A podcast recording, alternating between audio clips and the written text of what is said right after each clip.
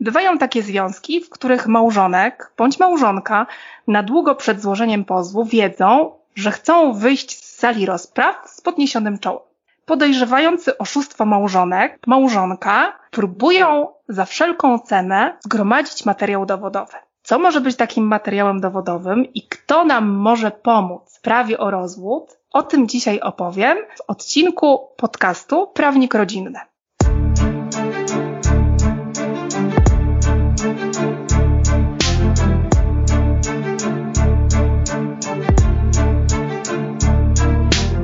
Poza tym, z tego odcinka dowiesz się, jak pracuje prywatny detektyw, czy prawdą jest, że to mężczyźni najczęściej zdradzają oraz jak rozpoznać zdradę.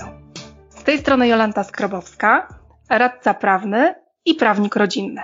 Słuchasz podcastu Prawnik Rodzinny. Dziś moim gościem będzie prywatny detektyw.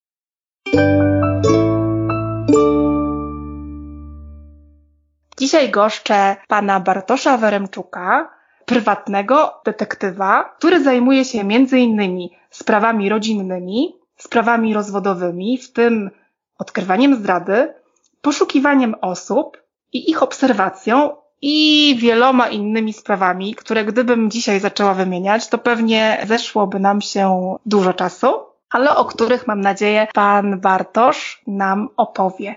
Dzień dobry, witam pana. Dzień dobry, witam panią mecenas. Pan jest licencjonowanym prywatnym detektywem. I to jest bardzo ważne z punktu widzenia prawnego. Mógłby Pan nam coś o tym powiedzieć? Tak, w Polsce tak naprawdę jest taka instytucja, która nazywa się detektyw. Instytucja y, i yy, taka osoba to jest właśnie tytuł zawodowy detektyw i tylko ona może wyłącznie używać tego pojęcia. Jest to w rozumieniu ustawy, jest to osoba posiadająca licencję tak naprawdę ten y, mm, prywatny detektyw niekoniecznie musi być zawsze y, w taki sposób właśnie artykułowany, ponieważ to prywatny to tylko ma wzmocnić y, to, że właśnie jesteśmy nie jakimiś osobami pracującymi dla organów ścigania, nie jesteśmy w jakichś instytucjach państwowych, tylko po prostu działamy na rynku prywatnym tak naprawdę wystarczy mówić detektyw. Przy czym faktycznie przyjęło się w Polsce takie pojęcie prywatny detektyw, gdyż w innych krajach detektywi są to na ogół osoby pracujące w służbach. Są to detektywi, którzy prowadzą śledztwa na przykład e, różnego rodzaju w, w krajach anglosaskich, na przykład można też zauważyć w różnych serialach, prawda, że to są detektywi. A prywatny detektyw w tych krajach, no to jest o, osobna instytucja. U nas w Polsce E, detektyw to jest zawsze ta osoba, która prywatnie działa na rzecz, na rzecz osób e, prywatnych, ponieważ tutaj też nie może realizować swoich czynności na, dla organów ścigania, czyli te osoby nadzor, nadzorujące różnego rodzaju postępowania e, niestety nie mogą, że tak powiem, zlecać prywatnym detektywom tutaj, czyli detektywom żadnych czynności. Tutaj możemy działać tylko i wyłącznie na zlecenie osób, ale również instytucji prawnych, również samorządów, samorządów, jednak nigdy nie może to być organ nadzorujący jakieś postępowanie czy prowadzący to postępowanie, więc tutaj prokuratura nie można nic zlecić, e, tak samo sąd. Detektyw, czy to się czuje? No bo mnie zawsze interesowało, kto może zostać detektywem. Nie tyle chodzi o przesłanki prawne określające e, wymogi e, tego zawodu, tej profesji, tylko takie predyspozycje, co pan poczuł? Kiedy nastąpiła ta chwila, że pan poczuł, że chce wykonywać e, zawód detektywa. Każda właściwie historia jest indywidualna i myślę, że tutaj każdy detektyw ma właśnie tą swoją, swoją historię. Moja była taka dosyć, bym powiedział, prozaiczna, ponieważ ja sam chciałem skorzystać z usług prywatnego detektywa i niestety nie znalazłem odpowiedniego dla siebie. E, to było związane akurat z kwestiami bardziej gospodarczymi, jednak w późniejszym okresie również e, zacząłem interesować się rynkiem tych usług detektywistycznych w kwestiach właśnie działań takich dla, dla, osób, dla osób prywatnych.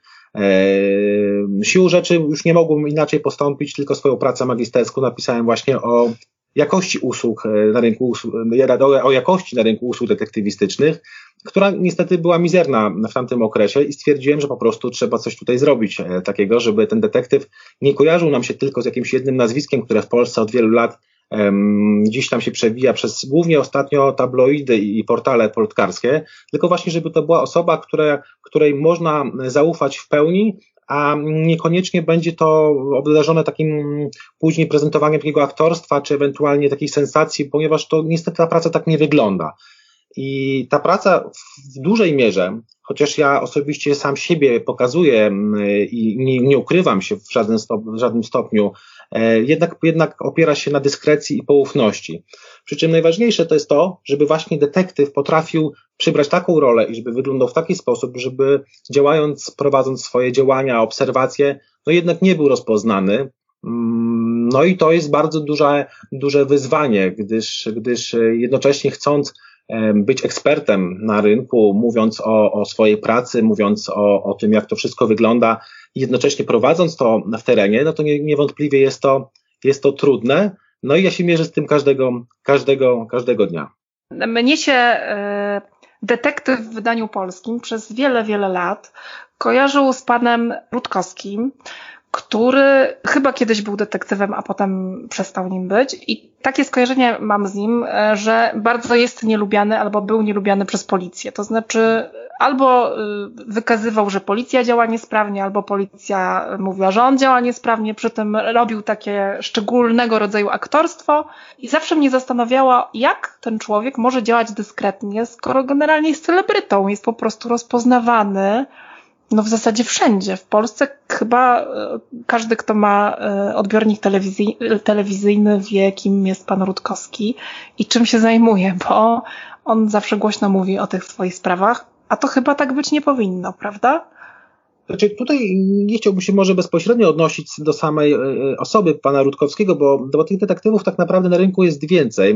Każdy ma swój sposób na na działanie. E, trzeba przyznać, że nie, w niektórych sytuacjach, w niektórych sytuacjach faktycznie e, mówienie głośno o danej sprawie może być korzystne, na przykład w przypadku poszukiwania osób zaginionych. No, no tutaj nie ma żadnej tajemnicy, ponieważ osoba jest zaginiona, e, więc publikowanie jej wizerunku i, i nagłaśnienie tej sprawy jak najbardziej służy temu, aby taką osobę jak najszybciej odnaleźć. Tak samo różnego rodzaju inne e, zlecenia, w których e, akurat rozgłos może pomóc, czyli możemy szybciej dotrzeć do różnego rodzaju informacji, do osób, które tą informację posiadają, więc akurat tutaj są pewnego rodzaju sprawy, które faktycznie y, mogą, mogą, mogą pomóc, przy tego, znaczy ta promocja właściwie można powiedzieć wprost, bo to jest taka swego rodzaju promocja w mediach swojej osoby i sprawy, którą się prowadzi, ona może w jakimś stopniu pomóc. E, niestety nie wszystkie działania i tak jak na, na rynku, zakładam również i prawniczym, no, znajdą się osoby, które nie zawsze działają w sposób etyczny, zgodny z prawem i nie zawsze e, interes klienta jest dla nich najważniejszy, czasami jest tutaj ważniejsze, własny, własny interes jest ważniejszy, czyli, czyli kwestie jakieś finansowe, e, no, postępują w sposób przynajmniej dla mnie i dla innych osób być może nieetyczny. Yy, przez co no, finalnie tracą na przykład uprawnienia właśnie z tego powodu. Dlatego ja jako detektyw, pomimo tego, że też prowadzę różnego rodzaju sprawy i niektóre wiem, że mogłyby mogłyby tak naprawdę zostać szybciej rozwiązane, to jeśli klient sobie tego nie życzy i nie wyraża mi wprost zgody na to, żeby publikować na przykład jakieś informacje, to tego po prostu nie robię. Nie zdradzam absolutnie tajemnicy tych swoich działań wszystkiego, co tak naprawdę robię, e, ponieważ to jest te informacje, które my zdobywamy, zdobywamy dla klienta i to on powinien decydować o tym, e, czy te informacje będą w jakiś sposób publikowane, wykorzystane później na przykład w sądzie, e, czy będzie chciał przekazać je prasie, mediom, to mm, tutaj absolutnie powinniśmy być w 100% powinniśmy działać w 100% zgodnie z wolą naszego klienta. Więc absolutnie w przypadku detektywów nie powinno się e, bez zgody klienta żadnych, ale to żadnych informacji e, upubliczniać, co też wynika z ustawy o usługach detektywistycznych, że wszystkie te czynności, które prowadzimy, powinny być prowadzone w sposób e, jak najbardziej poufny. No, kolejna rzecz, no, jeśli mamy sprawy już takie tutaj dla pani mecenas może bliższe, czyli, czyli sprawy okołorozwodowe, sprawy e, wszystkie związane na przykład właśnie ze zdradą małżeńską, z opieką nad dzieckiem, to tym bardziej ta dyskrecja jest wymagana. Więc taka osoba, która e, tylko firmuje, można powiedzieć, swoją markę, e, siebie jako, jako, jako detektywa, no fakt, praktycznie nie, nie ma możliwości, żeby wykonywała ten zawód. No tutaj oczywiście można to w jakiś sposób zlecić, podzlecić innym detektywom, I, I to tak mniej więcej właśnie działa, że agencje detektywistyczne nie zawsze to ta osoba wykonuje, czyli nie zawsze detektyw, z którym się widzimy, wykonuje te, te działania, tylko te, te, te, te, te sprawy są zlecane dalej. To ma swoje plusy i minusy oczywiście, bo z jednej strony do każdej sprawy można do, dobrać dedykowanego detektywa, który specjalizuje się w różnych, w różnych dziedzinach. E, z drugiej strony e, jednak, jednak tutaj już bezpośrednio nie realizuje tego dla nas ta osoba, tylko gdzieś te informacje przechodzą przez kolejne ręce, przez kolejne osoby. Na, na końcu nie do końca, nie do końca wiadomo jest, kto, kto, to, kto to robi. Ja jednak preferuję taką działalność, w której y, jeśli klient chciałbym, żebym to ja realizował, no to ja to jednak realizuję. Mm, dlatego, tak jak powiedziałem w wstępie, jeśli gdzieś y, nawet staram się pokazywać i mówić o tej naszej pracy, bo jest to dla mnie ważne, żeby świadomość społeczną podnosić ludzi w kwestii korzystania z tych usług detektywistycznych, no to później mam trochę problem, aby faktycznie taką obserwację sam prowadzić, czyli muszę się przebierać, muszę zmieniać wizerunek, E, po to, aby taka, taka osoba, którą potencjalnie obserwuję, nie, nie poznała mnie, prawda? E, z założenia detektyw powinien, powinien jednak, jednak e, jak najmocniej chronić swoją prywatność, swój wizerunek, właśnie po to, żeby takie czynności, czynności, które będzie realizował, mm, mógł je realizować w sposób trochę łatwiejszy. No, ja mam trochę trudniejsze zadanie, zdaję sobie z tego sprawę, jednak, jednak e, osobiście Mm, potrafię gdzieś, gdzieś te dwie rzeczy pogodzić i wydaje mi się, że jak dotąd, e, jeśli moja własna rodzina potrafi mnie nie poznać na ulicy, kiedy przechodzi koło mnie, to myślę, że jest nieźle. Czyli dobry detektyw jest, jest też mistrzem kamuflażu. Tak, kamuflaż to jest podstawa i nie tylko kamuflaż, bo przybieranie różnego rodzaju ról. Detektyw to nie tylko osoba, która obserwuje, ale musi pozyskiwać różnego rodzaju informacje w sposób taki też dyskretny. Nie, my nie przychodzimy jako detektywi, nie mówimy dzień dobry, jestem detektyw Weremczuk i proszę mi powiedzieć, czy tutaj ten, ten, pan, ten pan, który przychodzi, tej pani to już długo przychodzi o których godzinach przychodzi. Nie, absolutnie, dlatego że my nie wiemy, czy ten sąsiad jest bliskim sąsiadem tej osoby, która mieszka obok, czy za chwilę nie pójdzie, nie powie, że ktoś pyta. Moglibyśmy zniweczyć cały, całą pracę i tak naprawdę może by się okazało, że za chwilę ta osoba przestanie tam przyjeżdżać. Więc my musimy pod różnego rodzaju pretekstem, powodami szukać, e, przybierać różnego rodzaju role, aby takie informacje pozyskać. Więc często podajemy się za różne osoby, e, aby takie właśnie informacje e, zdobyć. I tutaj, co ważne, nie można podawać się za osobę, która sprawuje funkcję publiczną, nie możemy absolutnie podawać się za policję, za jakiekolwiek inne organy czy służby, więc zawsze musimy sobie znaleźć jakąś alternatywę. Do takich ciekawostek powiem, że nawet ornitologiem raz byłem i e, w miejscu, w którym praktycznie nie dało się prowadzić obserwacji, po prostu e, rozstawiłem, rozstawiłem aparat i obserwowałem bociany. Po chwili osoba, której, której dotyczyły te czynności, przyszła i zapytała się, co robię. Ja powiedziałem, że jestem ornitologiem i obserwuję bociany. Finalnie jeszcze okazało się, że mnie zaprosiła na obiad. Byłem strasznie skrępowany tą całą sytuacją, bo, bo, no bo osoba, którą, którą sprawdzałem, właściwie zaprosiła mnie na, na, na spożywanie wspólnego posiłku. Oczywiście odmówiłem, jednak no, e, na tyle dobrze grałem e, i odgrywałem tą swoją rolę, że ta osoba e, następnego dnia, ponieważ było dosyć gorąco, jeszcze mi też przyniosła wodę. E, e, było 30 parę stopni, pamiętam wtedy, no, a, a ten człowiek o mnie zadbał jeszcze. E, dzięki temu, że tak naprawdę odegrywałem tą rolę, udało mi się zdobyć wszystkie informacje, ale w taki sposób, że już ta osoba nawet nie zwracała już później na mnie uwagi, więc mogłem pozwolić sobie na więcej.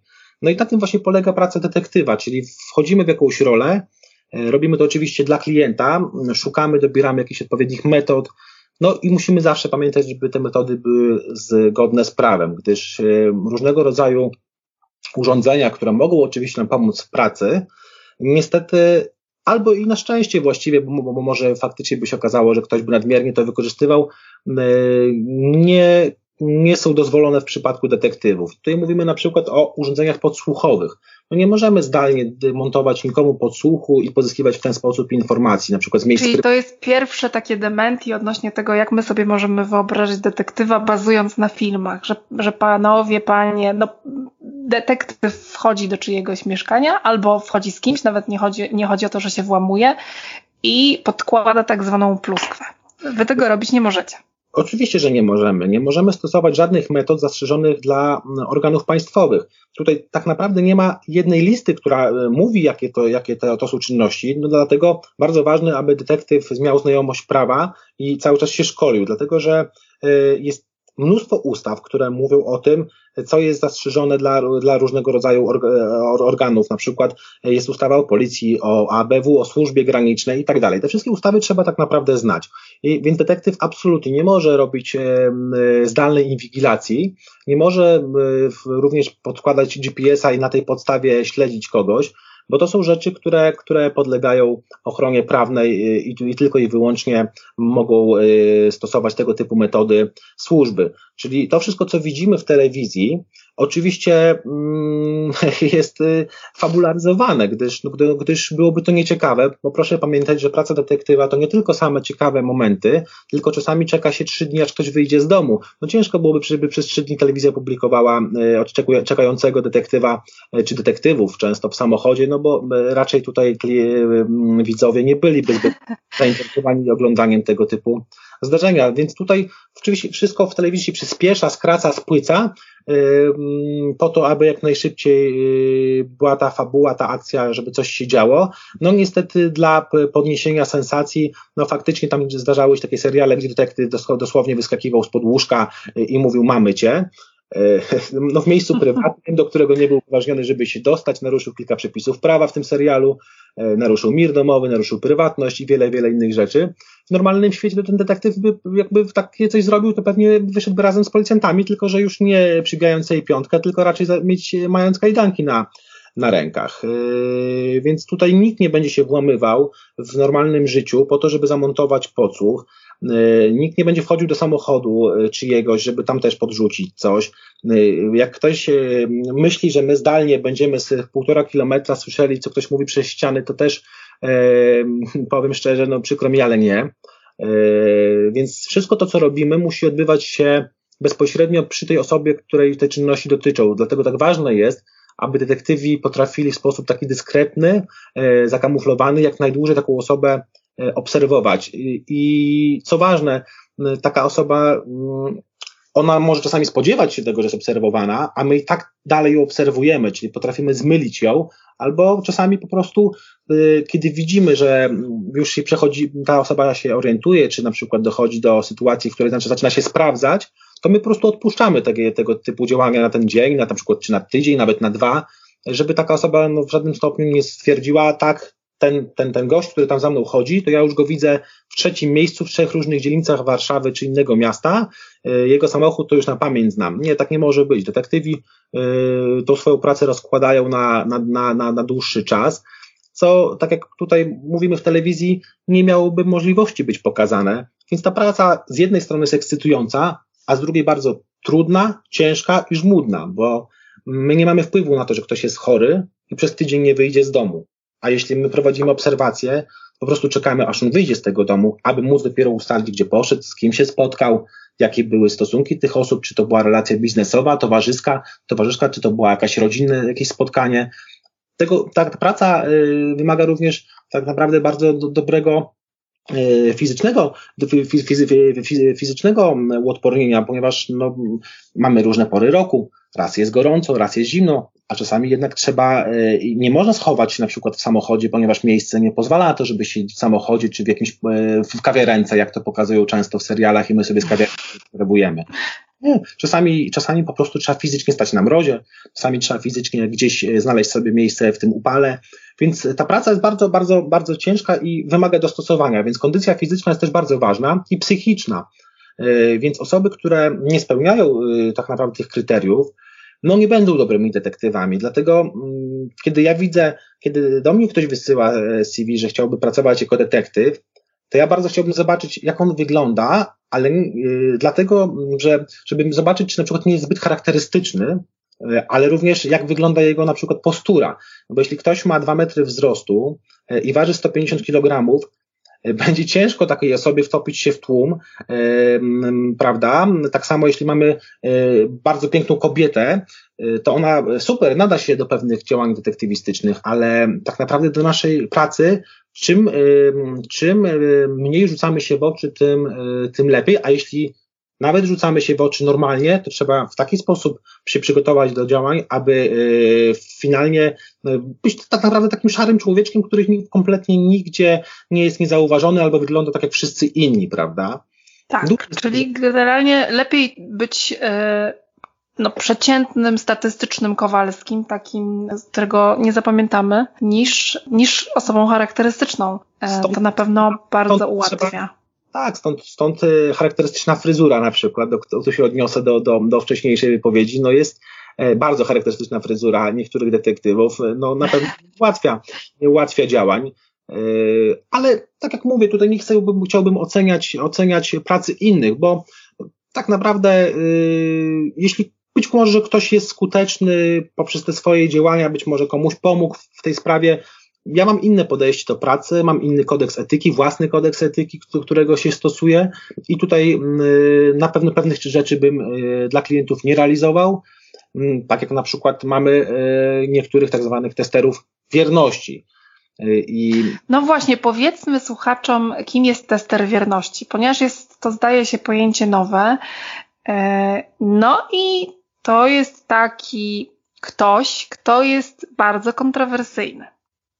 Tak, testerzy wierności to jest taka, taka właściwie nowa usługa na rynku, która ma na celu sprawdzenie, czy ktoś się dopuszcza zdrady, czy nie. Tylko ona przekracza pewną granicę, co do której jakby ja jak dochodzę, to już mam pewne wątpliwości, czy w ogóle chcę do niej dochodzić, tej granicy, już nie mówiąc, żeby ją przekraczać. Gdyż mhm. E, detektywi nie mogą robić prowokacji, co znowu jest zapisane w różnego rodzaju ustawach, nie mogą bezpośrednio na przykład dokonać zakupu kontrolowanego, czyli na przykład nabyć narkotyków celem pokazania, że ktoś handluje narkotykami, bo oni nabyli te narkotyki i w tym momencie są w posiadaniu i, i tak naprawdę popełniają przestępstwo. Nie mogą y, kogoś, y, kogoś prowokować do popełnienia przestępstwa, bo również popełniają przestępstwo. I taka sama sytuacja analogiczna w mojej ocenie jest, kiedy my prowokujemy kogoś do konkretnego zachowania y, związanego z aktywnością na przykład seksualną.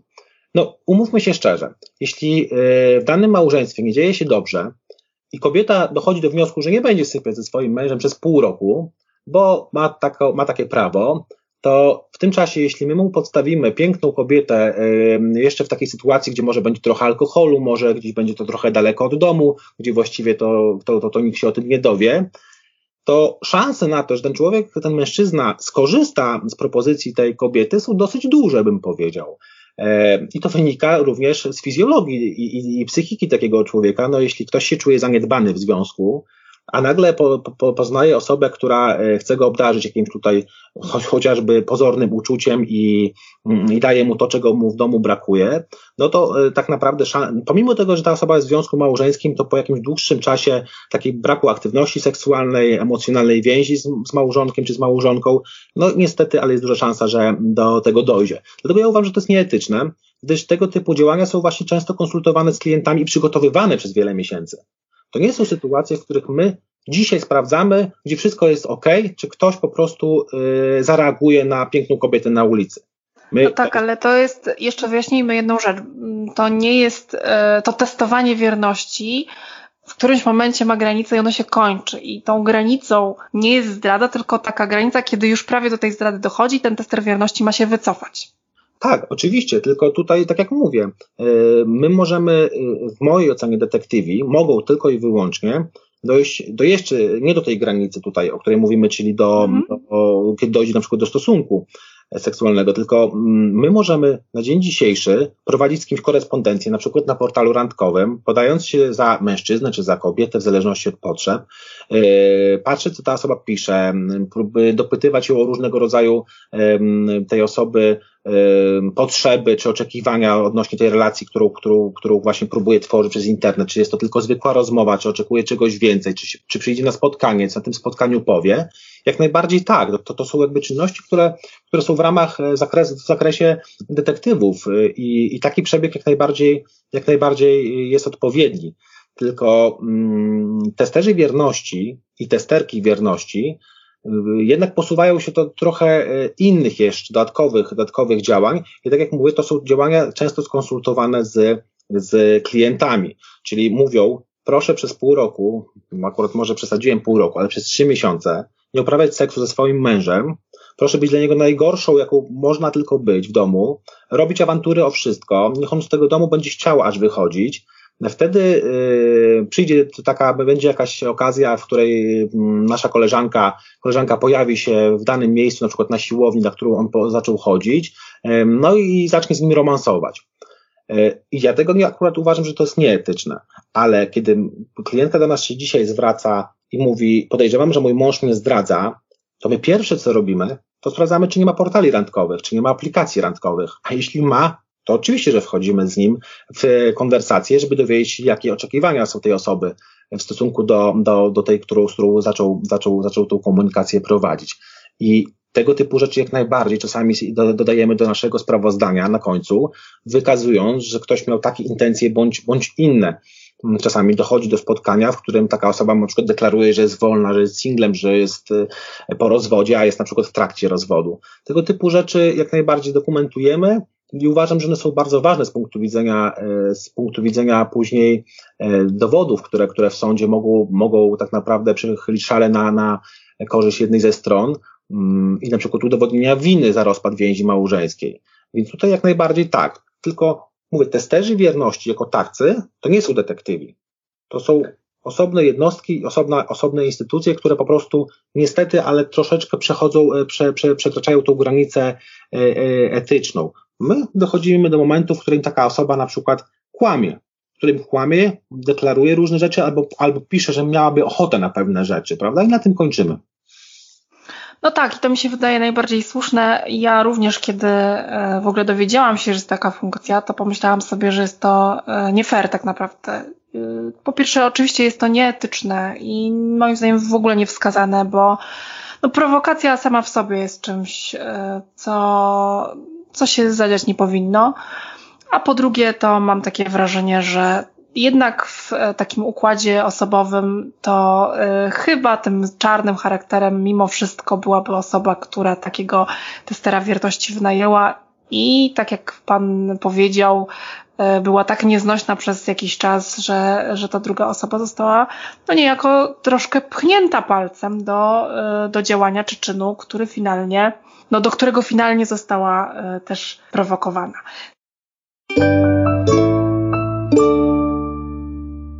Skoro już jesteśmy przy temacie wierności, to chciałam zapytać, kto jest częściej Pana klientem, a może inaczej, no bo klientem pewnie będzie druga strona.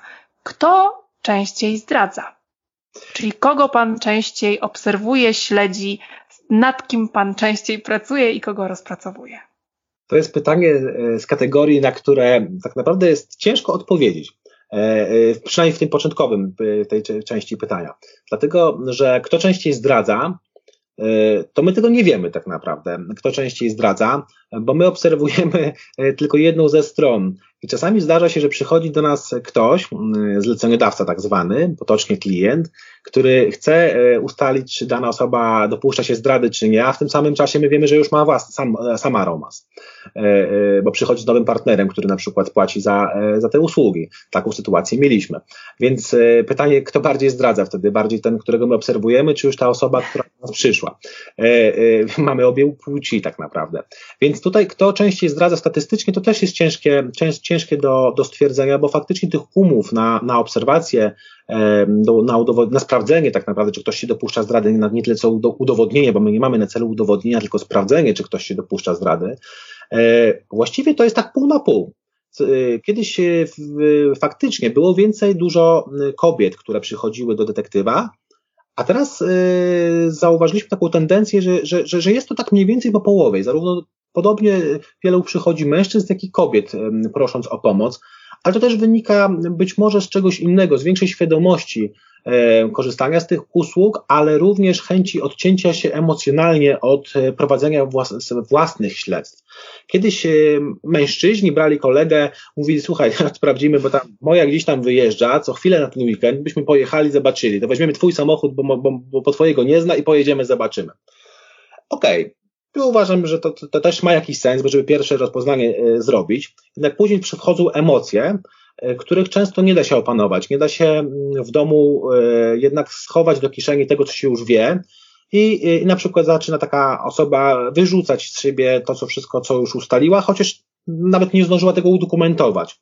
Co tak naprawdę może zniweczyć całe, całe później działania detektywów, no bo jeśli kogoś poinformujemy o tym, że już wiemy, że dopuszcza się zdrady, no to taka osoba w momencie, kiedy, kiedy dowie się o tym w jakimś stopniu, zacznie albo bardziej uważać, albo e, przestanie to robić na jakiś czas, więc tak naprawdę jest to bardzo, bardzo negatywne z punktu widzenia naszych, naszych działań. Więc odpowiadając tak jeszcze raz, właściwie po połowie. I zarówno kobiety do nas się zgłaszają, jak i mężczyźni. E, przy czym, to bardzo ważna, ważna rzecz, kobiety jest trudniej złapać na zdradzie niż mężczyzn. To jest ciekawe, ponieważ e, mężczyźni, bym powiedział, e, są tacy bardziej prości w tych relacjach i rzadziej się kryją. Co więcej, oni często, częściej o tym mówią, plotkują nawet niż kobiety. Kobiety często, jak dopuszczają się zdrady, czasami mają jakiś taki mm, e, nawet problem, żeby podzielić się z tym, podzielić się tą informacją z kimś, właściwie trzymają to dla siebie, chociażby się z pozoru wydawało, że kobiety bardziej plotkują, to nic bardziej mylnego, mężczyźni plotkują 100 razy więcej niż kobiety. Proszę, proszę, to, proszę to zapamiętać. ja też uważam, że mężczyźni plotkują bardziej niż kobiety i to nie jest złośliwość. To, absolutnie jako mężczyzna to mówię sam, więc tutaj e, mam nadzieję, że też słuchają tego mężczyźni i pewnie gdzieś tam się śmieją pod nosem. E, my, my jesteśmy straszny, strasznymi plotkarzami, my się chcemy pochwalić każdą tak zwaną zdobyczą, ale to zarówno zdobyczą materialną, jak i niematerialną, nowym samochodem, nowym zegarkiem, e, nowym, e, nowymi ciuchami, ale również kobietami. I a kobiety, kobiety jak się zakochują i, i wchodzą w, taką, w taki romans, są dużo bardziej ostrożne, mm, szczególnie kiedy, kiedy na przykład w taki romans wchodzą, będąc w związku małżeńskim, gdyż bardziej poważnie podchodzą często do rodziny, chociaż może nie chciałbym generalizować, ale jednak jeśli jest to dziecko, jest, jest jeszcze w, w, w związku małżeńskim, facet właściwie to może się spakować i wyjść, prawda? Można tak powiedzieć w skrócie. Kobieta jednak ma troszeczkę więcej, więcej obowiązków związanych czasami z dziećmi, czy, czy nawet odpowiedzialności za, za dziecko e, i dlatego tak bardziej uważa. Dlatego e, dużo trudniej jest kobietę przyłapać na zdradzie niż męż, mężczyznę, I gdy mamy kobietę, to, to wiemy, że, że no musimy troszeczkę lepiej się do tego e, już od samego początku przyłożyć. Chociaż z drugiej strony są pewne działania, które ułatwiają nam na przykład mężczyźni, może też nie wszyscy e, i też nie chciałbym tu znowu generalizować, ale na przykład jeżdżą, jeżdżą samochodem e, bardziej uważnie, czyli widzą więcej w lusterkach niż kobiety. Za kobietą nam się jedzie, jedzie na pewno łatwiej, Często na przykład używają kierunkowskazów, czego nie używają mężczyźni e, i wielu, wielu innych rzeczy kobiety po prostu nie robią. E, a, mm, ale gdy już mamy sytuację, gdzie musimy udowodnić tą zdradę, czyli zebrać takie prawdziwe dowody i zrobić zdjęcie takiej kobiecie z kochankiem, no to, to jednak jest dużo trudniejsze. Facet wychodzi, widzi swoją kochankę, rzuca się jej na szyję na parkingu i właściwie mamy dosyć szybko materiał. Oczywiście też nie każdy, ale tak, tak w dużej części tak jest. Jak kobieta jednak gdzieś tam dyskretnie wejdzie do jakiegoś budynku, gdzieś tam się przemieści, czy się porozgląda parę razy i wejdzie do jakiegoś lokalu. No i co nam z takich zdjęć, że weszła do lokalu?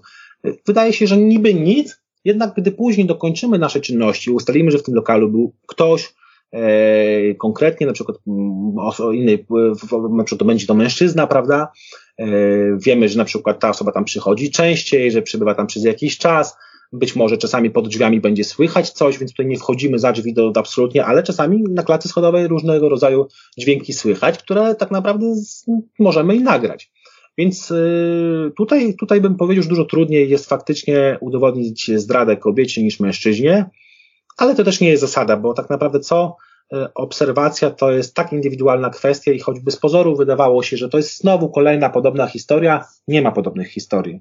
Każdy... Ale rozumiem, rozumiem, że nie ma szans na takie, znowu e, odwołuję się do amerykańskich obrazków i filmów, nie ma szans, żeby mąż dostał zdjęcia e, żony, no takie po prostu e, łóżkowe. Y, nie do końca. Nie do końca, bo tak, może łóżkowe nie, ale faktycznie zdarzają się sytuacje, szczególnie porą taką letnią, no, gdzie na przykład do seksu dochodzi w lesie, czy w innym miejscu publicznym, gdzie z pozoru wydaje się, że te osoby czują się intymnie, no ale jeśli my dobrze poprowadzimy te działania, no to faktycznie niejednokrotnie mieliśmy tego typu zdjęcia, czyli faktycznie mieliśmy zdjęcia e, e, ze stosunku, które po prostu, który odbywał się w miejscu publicznym, bym powiedział, no bo jakby las traktuje jako miejsce publiczne, czyli właściwie każdy. może pan tam wchodzić. Tak, mam prawo tam, tam wejść, tak jak każdy właściwie, więc e, były, był seks w samochodzie, prawda, gdzieś tam na parkingu e, za, za jakimś sklepem dosyć, dosyć dużym, gdy, po zamknięciu tego sklepu, gdzie parking był teoretycznie pusty, więc też musieliśmy wcześniej się przygotować, wiedząc, że do tych spotkań właśnie tam cyklicznie dochodzi, czyli musieliśmy wcześniej w jakiś sposób um, przygotować różnego rodzaju sprzęt nagrywający, aby właśnie to, to udowodnić. Bo sam fakt przebywania takich dwóch osób, on oczywiście też może um, wiele powiedzieć, bo, bo, bo, bo ja zawsze mówię klientom, kiedy właśnie chcą od nas takie zdjęcia intymne, bo oczekują tego, bo widzieli, właśnie oglądali serial jakiś, czy, czy, czy gdzieś czytali, że takiej rzeczy można oczywiście detektyw zdobyć, to ja mówię, że najważniejszą zasadą w naszej pracy to nie jest tak naprawdę pokazanie e, dwóch osób w łóżku. Najważniejszą e, rzeczą w naszej pracy to jest udowodnienie, że jedna z osób, które biorą udział w postępowaniu sądowym jest kłamcą. E, I co by ta osoba później nie zrobiła, to jak sąd zobaczy, że skłamała w wielu aspektach, e, które opisujemy w naszym sprawozdaniu, no to sąd, sąd jest też tylko człowiekiem i niestety, albo i na szczęście, e, no później, co by ta osoba nie powiedziała, to gdzieś tam z tyłu głowy ten sędzia marzy, przecież no tutaj już okłamał, albo okłamała wielokrotnie podczas zeznań w sądzie, czy to, to informacyjne przesłuchanie, czy nawet inne. Więc kiedy my mówimy do naszej klientki czy klienta, że wiemy, że ta osoba jest w danym miejscu, proszę w tym momencie zadzwonić, nagrywać tą rozmowę i zapytać się, gdzie ta osoba jest i co robi. No i jeśli na przykład mężczyzna mówi, że jest właśnie z kolegą i kończą projekt, który siedzą przy komputerze, oddzwoni, a siedzi z kobietą i, i, i tam delikatnie usmyra po rączce, no to my nie potrzebujemy zdjęć z łóżka, bo po pierwsze, a oszukał swoją żonę czy partnerkę, e, z jakiegoś powodu to ukrywa. Jeśli my później pokażemy, że do tych spotkań dochodzi cyklicznie, że one odbywają się e, w różnych miejscach, e, na przykład w miejscu zamieszkania tej kobiety, nie wiem, w hotelu. Oczywiście argumentacja tych osób jest różna, bo czasami niektórzy grali w szachy, w szachy przez całą noc w pokoju hotelowym, twierdząc tak, inni pisali właśnie, robili projekt w PowerPoincie, więc jakby te tłumaczenia później w sądzie są różne i czasami śmieszne, czasami żenujące wręcz, ale no, naszą rolą jest zebranie takiego materiału, żeby pokazać, że po pierwsze cyklicznie dochodzi do jakiegoś zdarzenia, że dochodzi do y, kłamstwa, czyli tak naprawdę osoba okłamuje, czyli nie ma dobrych intencji, bo jeśli nie mamy nic do ukrycia, to my nie kłamiemy. Jeśli jestem z koleżanką, bo z nią pracuję, to jestem z koleżanką, ale jeśli jestem z koleżanką, a mówię, że jestem z kolegami, z kolegami no to coś tutaj jest y, na rzeczy. Jednak faktycznie, gdy te, te czynności prowadzimy dłużej, to często zdobywamy taki materiał, w którym, w którym no, gdzieś wykazujemy tu intymność, nie mówię tutaj bez, o intymności w łóżku, ale choćby nawet pewien sposób postępowania, który z daną osobą, czyli jakieś delikatne gesty, e, dotknięcie, objęcia, czy nawet e, pocałunek na, na, na, na pożegnanie. No, w mojej ocenie, jako już, że pracuję już wiele lat w tym zawodzie, wiem, że wielokrotnie były uznawane takie dowody przez sąd i były orzekane było, że było orzeczenie o rozpadzie więzi małżeńskiej z winy na przykład tego, tego właśnie tylko mężczyzny czy kobiety. A czy Polacy są e, podejrzliwym narodem? Czy my, e, no pytam Pana pośrednio, jak wiele takich akcji, e, takich podejrzeń się nie sprawdziło? Najczęściej jak do nas ktoś przychodzi, to te, te, te, te, te mm, podejrzenia się potwierdzają. To, to jakby Rzadko się zdarza, że ktoś przychodzi i, i finalnie nie dochodzi do tego, aby, abyśmy udowodnili coś. Przy czym tutaj też nie można e, jednoznacznie tego stwierdzić, dlaczego tak jest, bo być może, że jakaś sytuacja miała miejsce, ale w okresie, w którym my już prowadzimy te działania, już, już może mogła, mogła mm, się, mogło się nic nie dzieć, prawda, w tym kierunku. Czyli ktoś mógł mieć romans, ale kiedy my zaczęliśmy nasze działania, już tego romansu mogła ta osoba nie mieć. Ale z drugiej strony też nie można mówić, że na pewno miała romans, bo skoro my w tym czasie y, ustalamy, że taka osoba y, wszystko to, co mówi, tym harmonogram dnia, te miejsca, które odwiedza, nie wskazują na to, że dopuszcza się zdrady, no to y, ciężko takiej osobie no, ją przypisywać, prawda? Chociaż no, faktycznie zdarzały się takie sytuacje, to też trochę komiczne, w których, w których no, nasza klientka była bardzo niezadowolona, że mąż nie zdradza. E, e, wydawało nam się, że, że to jest przyjemna informacja, że, że jednak mąż nie zdradza i przekazywanie raportu, w którym e, my, my, nie widzimy oznak zdrady, wydaje nam się zawsze miłe, ale okazuje się, że nie zawsze. Dla niektórych to, że ktoś nie zdradza, mm, wcale nie jest miłe, bo ma, bo ma na przykład już inne plany na życie, a okazuje się, że jednak ten mąż czy żona nie zdradza i to trochę nam... I warto by było coś znaleźć po prostu, a tu nic. A tu nic, a tu nic, dlatego my nie wykreujemy absolutnie rzeczywistości dla kogoś specjalnie, bo ktoś ma taką potrzebę, my no, kogoś nie zmusimy do tego. Jak ktoś, nie wiem, nie kradnie w tym okresie, w którym prowadzimy działania, no to przecież nie powiemy, słuchaj, pójdź, ukradnij, bo chcemy dwa zdjęcia ci zrobić. E, no tak to, tak to nie działa, więc no, y, działamy na, za, na zaufaniu, więc detektywi jest to, przynajmniej powinien być, również zawód zaufania publicznego e, i taka, takie były na samym początku Mm, oczywiście założenia y, przez, przez ustawodawcę, aby właśnie to był taki zawód. Y, czy jest, czy nie jest, no to tutaj każdy musi to ocenić indywidualnie, szczególnie kiedy mówiliśmy wcześniej o różnego rodzaju, powiedzmy, kojarzeniu, kojarzeniu się detektywów właśnie z różnymi osobami.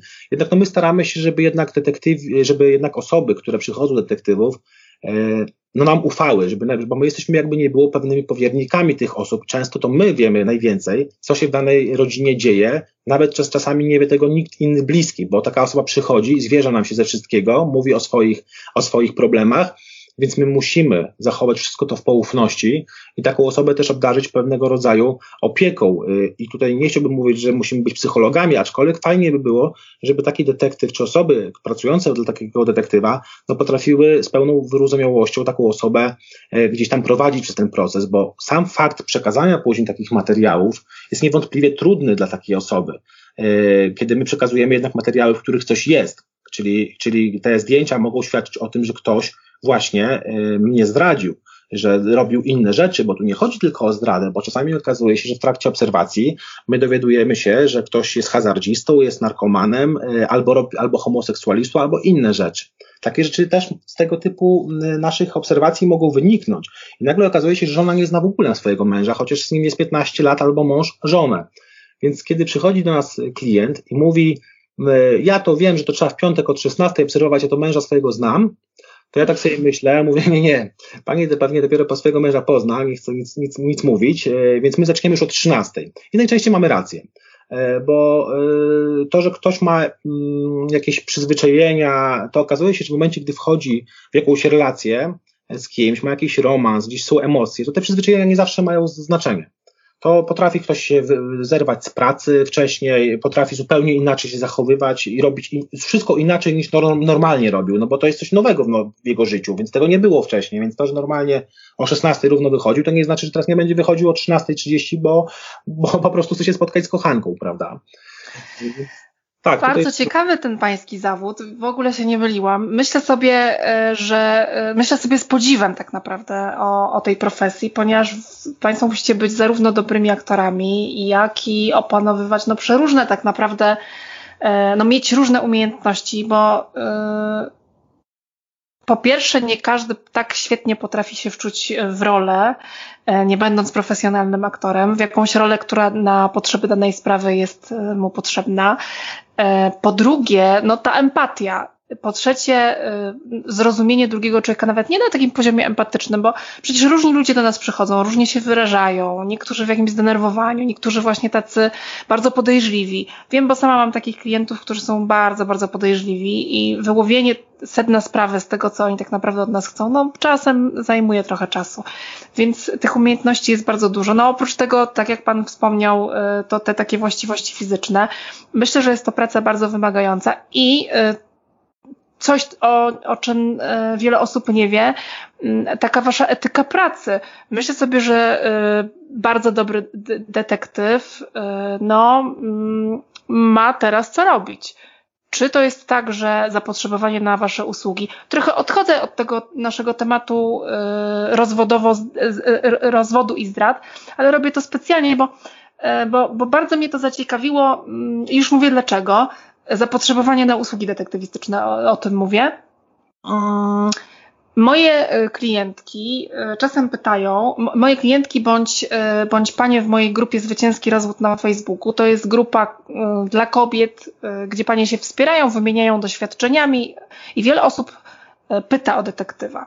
To jest wciąż trochę taki e, zawód egzotyczny, znaczy może zawód jako zawód to nie, bo pewnie, pewnie każdy o detektyw, na pewno każdy detektywa z nazwy zna, ale jakby dla kobiety, która jest zdradzana, a która żyła w przeświadczeniu, że jest kochana, wielbiona i tak dalej, coś tam jej zaczyna świtać, coś zaczyna podejrzewać, to myśl pójdę do detektywa wiąże się na początku z takim strachem powodowane taką nowością.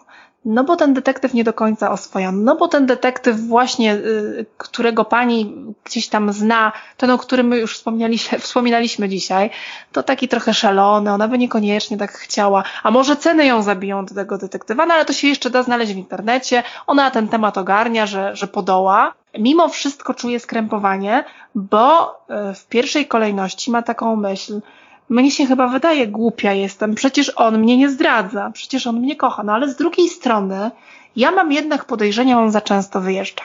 I teraz przychodzi do pana, pana taka pani, e, trochę skrępowana, trochę taka nie wie co robić, no i zaczyna opowiadać historię.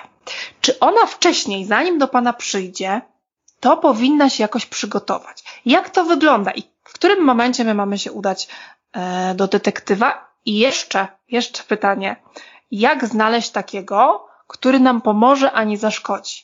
Czyli jak znaleźć dobrego detektywa? No bo y, słusznie pan zauważył, że tych detektywów jest y, wielu w tej chwili. Tutaj, Kiedy zacząć się przygotowywać? Tutaj trochę to tak jest jak z usługami prawnymi, prawda? Że y, chcielibyśmy już pójść na konsultację, ale jeszcze nie jesteśmy do końca pewni, może sobie trochę sami po, popatrzymy, poczytamy w internecie, tak. może sobie sami rozwiążemy problem w ogóle. A może się w ogóle wydaje, tak jak powiedziałam, A może nam się wydaje. Y, I tutaj tak, na, tak naprawdę właśnie bardzo ważne jest to podnoszenie świadomości społecznej, że czym szybciej cokolwiek nam zaświta w głowie, powinniśmy się udać właśnie do prawnika i ewentualnie do detektywa.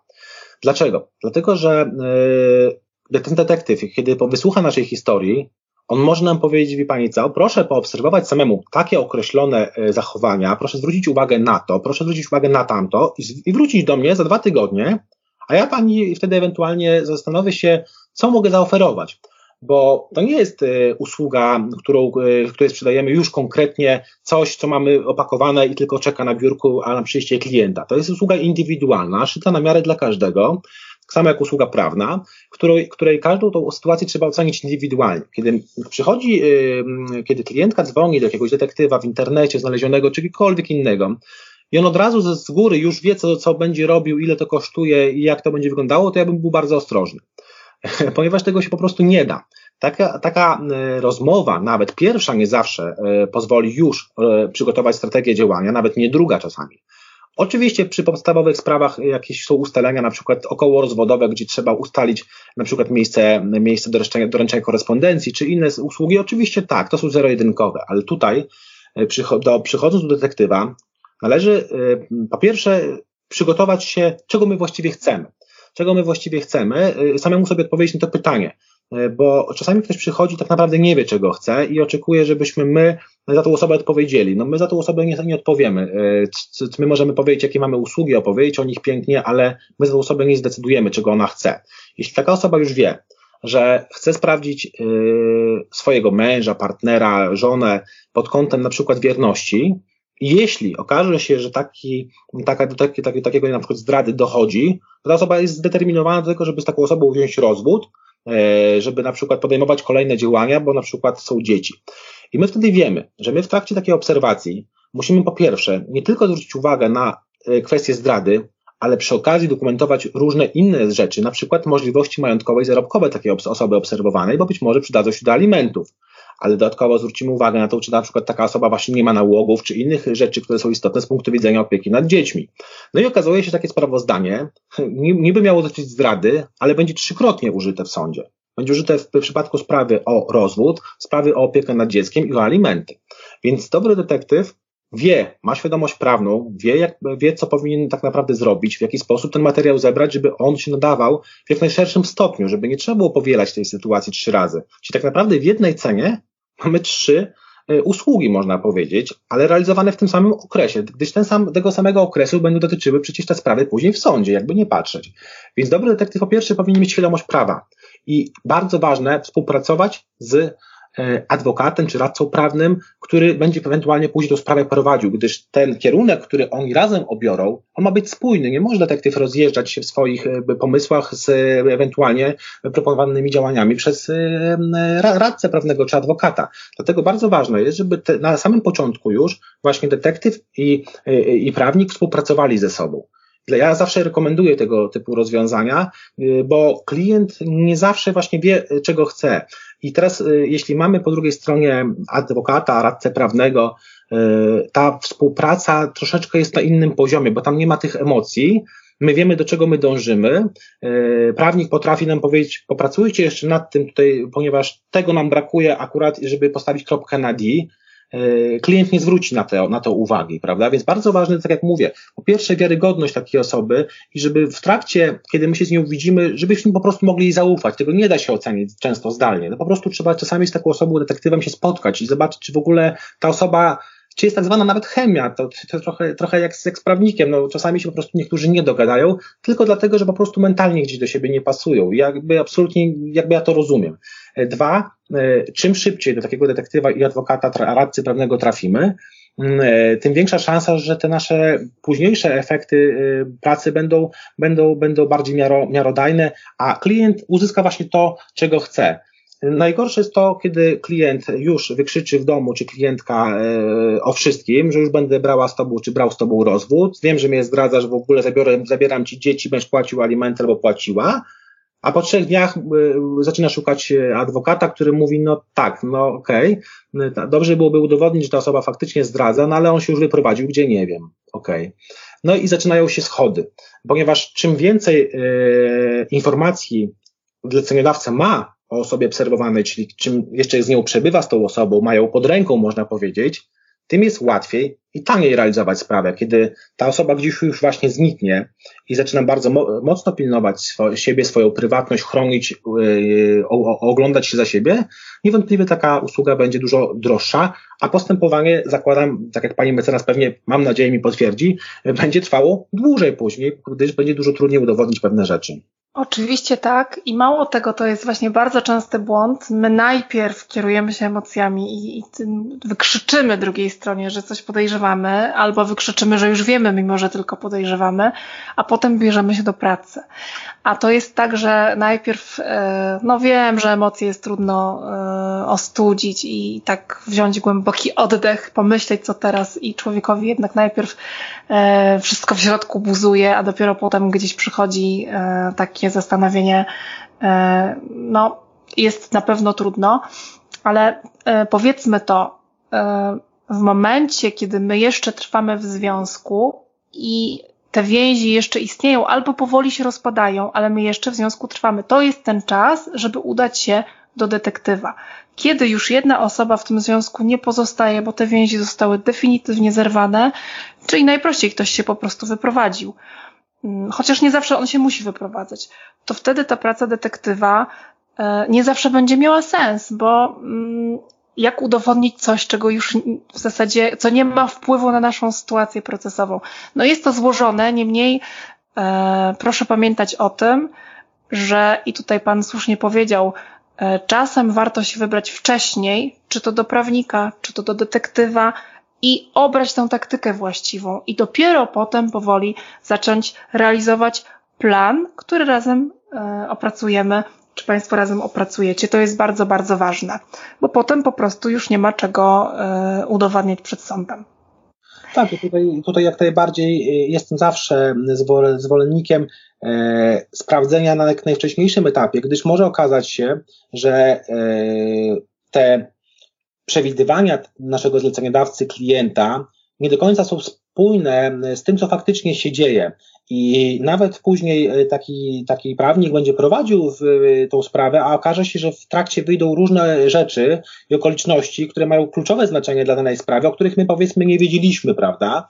E, nie wiedzieliśmy, bo ten detektyw zaczął pracować zbyt późno, zbyt późno, ale są czasami takie, które już nawet w trakcie, w trakcie trwania takiego postępowania sądowego, zlecenia, gdzie no, nagle dowiaduje się nasz zleceniodawca o czymś, co ma no, no, olbrzymi wpływ na, na dalszy przebieg tego, tego postępowania, bo na przykład okazuje się, że gdzieś się urodziło dziecko i to dziecko pochodzi na przykład od, od, od jednej ze stron tego postępowania, prawda? Tu mówimy najczęściej o mężczyźnie.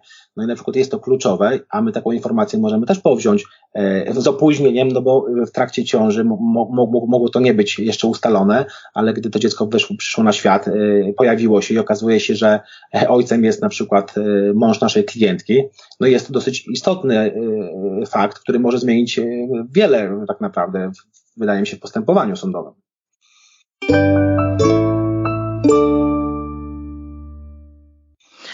Czy y, są jakieś mniej więcej statystyki, które mówią, ile czasu trwa śledztwo w takiej sprawie rozwodowej?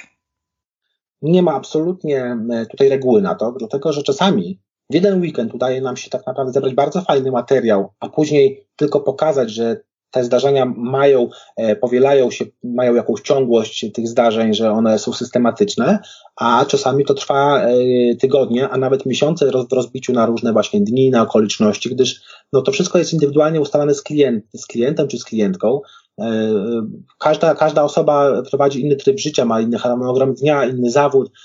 Są jedni pracują na etacie, inni mają własne działalności gospodarcze, więc tutaj nie da się powiedzieć wprost, ile takie zlecenie potrwa. My rekomendujemy zawsze, żeby nie robiło to jednostkowe sprawdzenie, ponieważ yy, będzie to łatwiejsze do obalenia w sądzie, niż gdy pokażemy, że takie zdarzenia powtarzały się w jakimś okresie, no i trwały, i trwały.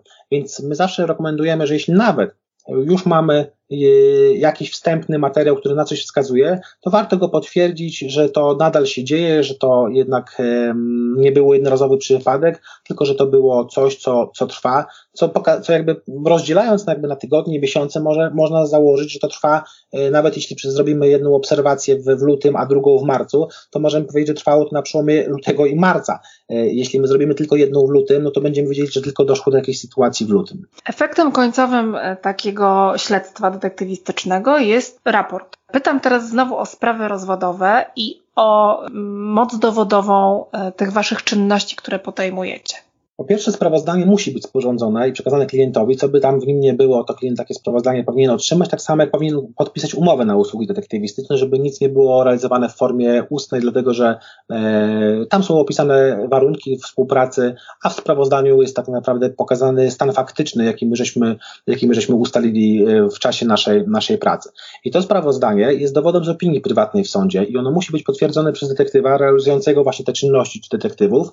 E, dzięki temu no my musimy y, stawiać się często jako świadkowie w sądzie, no i faktycznie potwierdzić, że te zdarzenia i te, te sytuacje, okoliczności, te osoby, które w tym sprawozdaniu się znajdują, no to faktycznie, faktycznie to są one, dochodziło do tego typu zdarzeń, czasami musimy coś wyjaśnić, e, czasami musimy coś, coś, coś dopowiedzieć, czego na przykład w sprawozdaniu nie ma, a, a ktoś dla kogoś, na przykład dla pełnomocnika z jednej ze stron może być to istotne, no więc detektyw finalnie bardzo często w tych sprawach rozwodowych y, jest świadkiem, świadkiem. Co ważne, jest świadkiem wiarygodnym, ponieważ nie jest ani w żadnym stopniu spowinowacony, ani spokrewniony z, z żadną ze stron.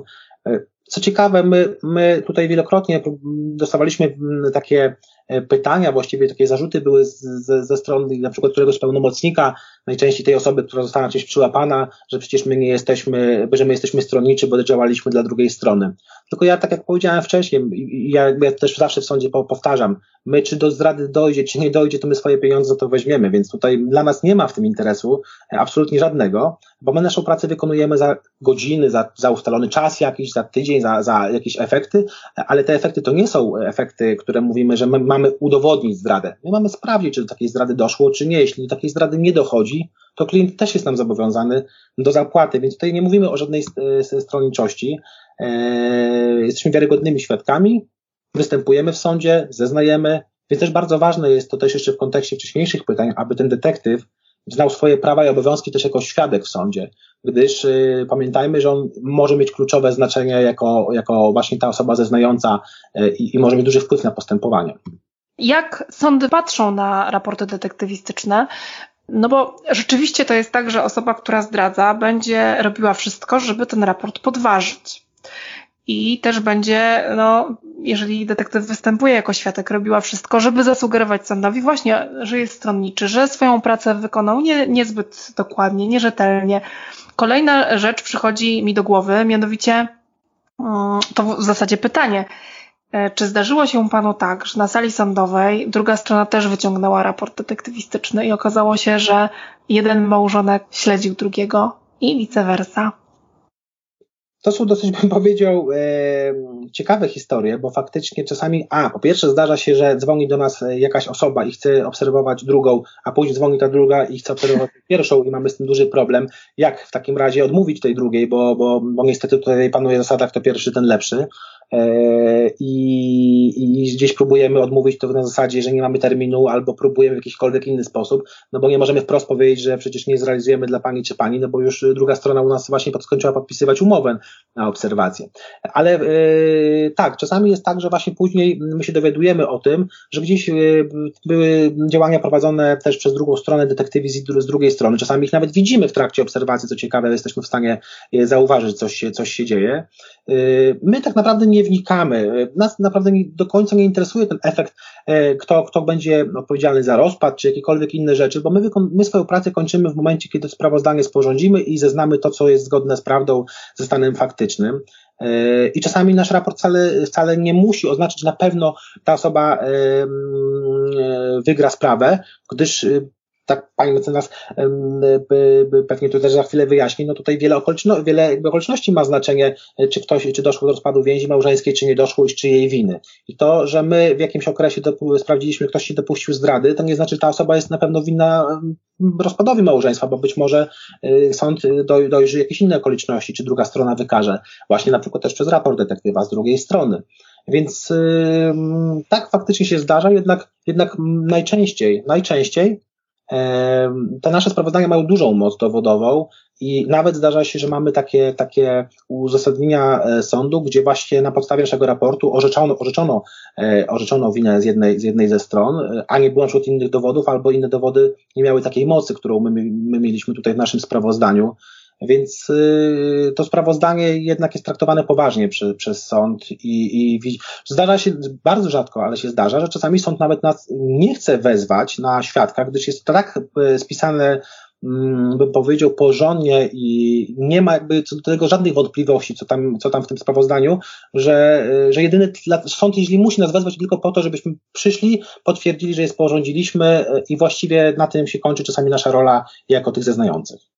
No i też e, myślę sobie, że dużo bardziej wartościowe jest takie sprawozdanie, taki raport, niż zdjęcia z telefonu robione z ukrycia przez jakiegoś wujka, ciocię, brata.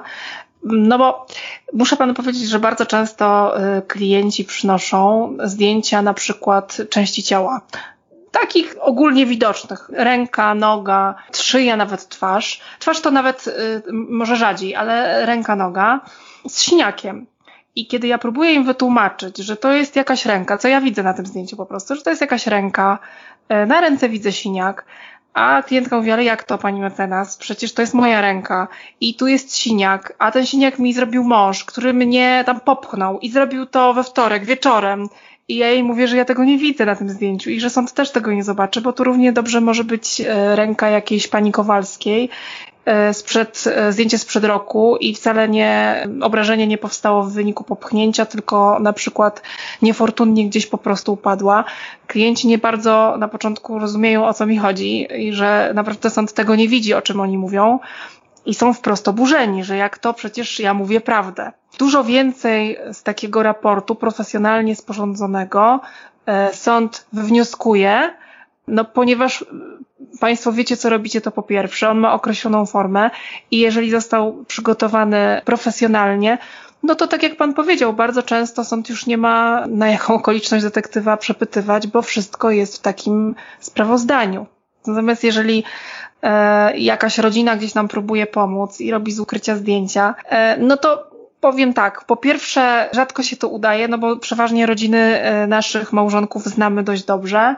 Poza tym jest ten czynnik emocjonalny, gdzie no rzadko ktoś potrafi e, zadziałać tak w pełni profesjonalnie, e, bez drżenia ręki jakiś, jakiś film, jakieś zdjęcia zrobić, a jeżeli to robi to przeważnie telefonem z ukrycia, dowód to przeważnie marny, no i tak jak powiedziałam, muszą Państwo wiedzieć, że Wy czasem na tych zdjęciach czy na filmach widzicie więcej niż my. My osoby, które się tym zajmujemy na co dzień. I tu najlepszym przykładem jest właśnie zdjęcie e, ręki z siniakiem. Po prostu to jest ręka z jakimś siniakiem i jeszcze nawet nie wiadomo, czyja to ręka.